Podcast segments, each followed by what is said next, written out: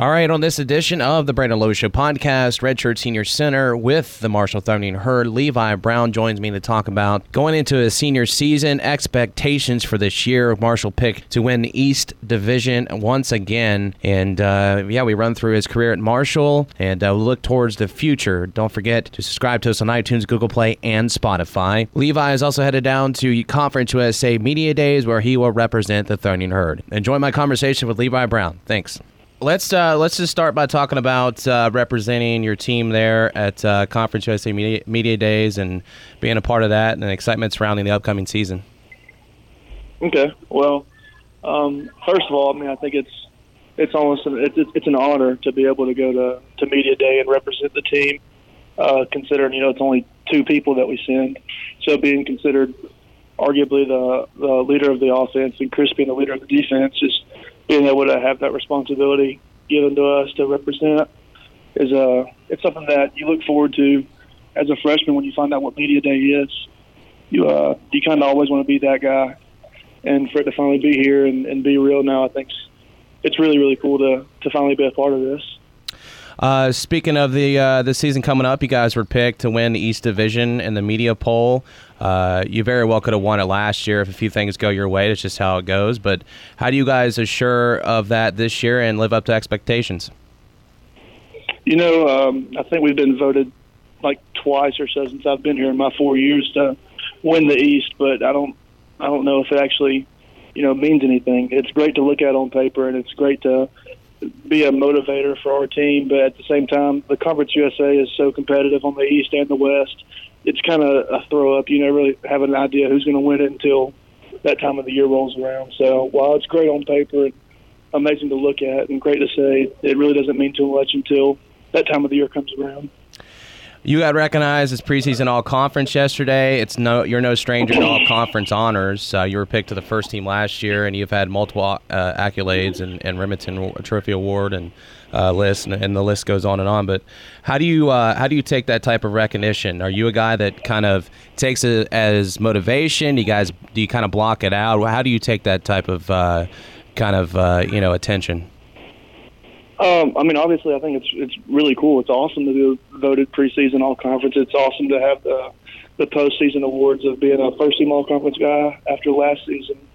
But I mean, it's pretty much the same thing as the being picked to win the East. It's really cool on paper, but it's something that I kind of use for motivation more, and it's something that I feel like people that are awarded these awards have the opportunity to preach to a team that you don't get individual success without team success if we were to go out this year and win two games, I can almost guarantee I wouldn't be the first team all conference center because we played on a.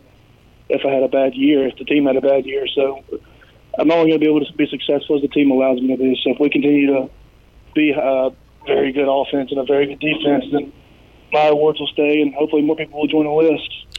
What made you uh, decide to come back for your senior year? Because you've been there a while. Uh, you're a redshirt senior. Um, what mm-hmm. uh, you you know most guys test the waters a little bit with the NFL, um, and I mentioned you got all those accolades and you've accomplished a lot. Uh, you know in your collegiate career. What is what was the decider and in, in coming back for your senior year? You know, honestly, um, I had thought about like possibly looking at a transfer. I thought about going to the NFL. I thought about trying to see if there was a different avenue for me at some point in time. But after I kind of sat back and realized and talked to my parents and kind of put two and two together that we actually can be a championship level team. We can be a Conference USA champion. We can be a New Year's Six Bowl like kind of champion. We could, we have the potential and we have all the moving pieces to be a very very productive team and have an amazing year. So that's what kind of what did it for me was looking from the outside in, seeing what we are and what we can be, really kind of held me here. Plus, you look at your offense, you have a lot of guys back, nine guys. You look at your quarterback position, it's deep. You got a bunch of running backs, and of course, your offensive line intact there. Kind of talk about the importance of your position at center, including sort of that chemistry and communication with the quarterback, as well as up front. Once the ball is snapped, ensure plays are successful. Kind of run us through that. Um, well, first of all, I mean, I think we're deep in almost every aspect of an offense. I mean, we've got competitive guys in the quarterback room with Alex Thompson and Isaiah. We've got a full stable of running backs with King, Knox, uh, younger guys that haven't played, such as uh, Sheldon Evans. I mean, we've got um, kid named Sykes, last name Sykes. I mean, we've got talent everywhere. We've got a deep receivers room, which is once again young talent, but returning five, six, seven offensive linemen that can play with the ones is also really good. So I mean, our potential is all there. We've got plenty of room and plenty of depth to be able to do almost anything we want. But as far as the connection from quarterback to center, Isaiah and I, we're uh, we're two guys that are from Georgia. I mean, we've bonded over that. Like we've talked about little things that we've just had to go through in life, and me and Alex Thompson as well have talked about things that you know just have to go through through life to be productive and, and generate really good things at this level. Um, as far as chemistry, I mean, I feel like as a team we do have a lot of ex- unexperienced guys, but we also have a ton of experienced guys. So chemistry's there because there's been the big brother in the room for every room for the past three, four years. We've got it all kind of figured out and all mushed together for potential to be a really special year. How much did redshirting your true freshman year help you with your development? I know you worked on scout team. How did that help out with your development? Um, so my freshman year, whenever I did redshirt, we traveled ten offensive linemen. That's just kind of how it is. How it always has been. But I was an exception. Uh, with Coach Mirabal here, he decided to travel 11 offensive linemen. So I was on the travel team, but I was just kind of the in case of an emergency guy. So I got to see what it was like to travel, got to see what it was like to be a part of the team deal, got to see what it was like to be a part of like the travel team. So I feel like that helped me grow up quick. And that first year, I mean, no one wants to be part of the scout team. People would rather go out and kick rocks than be a part of the scout team. So yeah.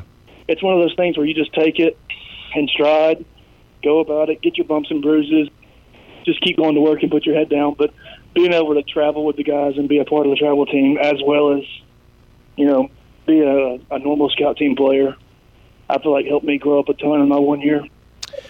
What uh, what have you seen as far as your? Uh, I guess how do you look at the game from that first year? Of course, that redshirt year helped, as you said, but uh, you did you did gain, uh, gain a lot of respect from your teammates uh, when you were able to get in there, uh, even you know in your freshman year, your redshirt freshman year, then and so on. Um, you've played a ton of snaps. What has been kind of what as the game slowed down for you? What has been kind of your biggest improvements from when you first went in to now your senior year here? Um, I would say my biggest improvement from year one of actually playing till what is this year four now of playing. Like I feel like just confidence. A big thing in playing center for people that have never done it before, like like me. I'd never played center until like that first uh, second year. Like I'd played guard my whole true freshman year. I traveled as a guard, and then spring ball rolled around, and Coach Mirabal told me, "Hey, if you want to play center, like now's the time to learn it." So I learned it, and of course, with learning anything new, no one's too confident the first time they learn something. So it just takes years and reps and time and whatnot to build confidence over the next four years. And now, if someone fires a question at me, I can snatch an answer right back to them. It's just confidence in knowing a scheme, knowing the guys around you, and knowing your job and where your help is. So I feel like gaining more confidence from year one to year five now is has made me a better player all around finally, since this is your uh, final year there, Georgia native, you come into Huntington.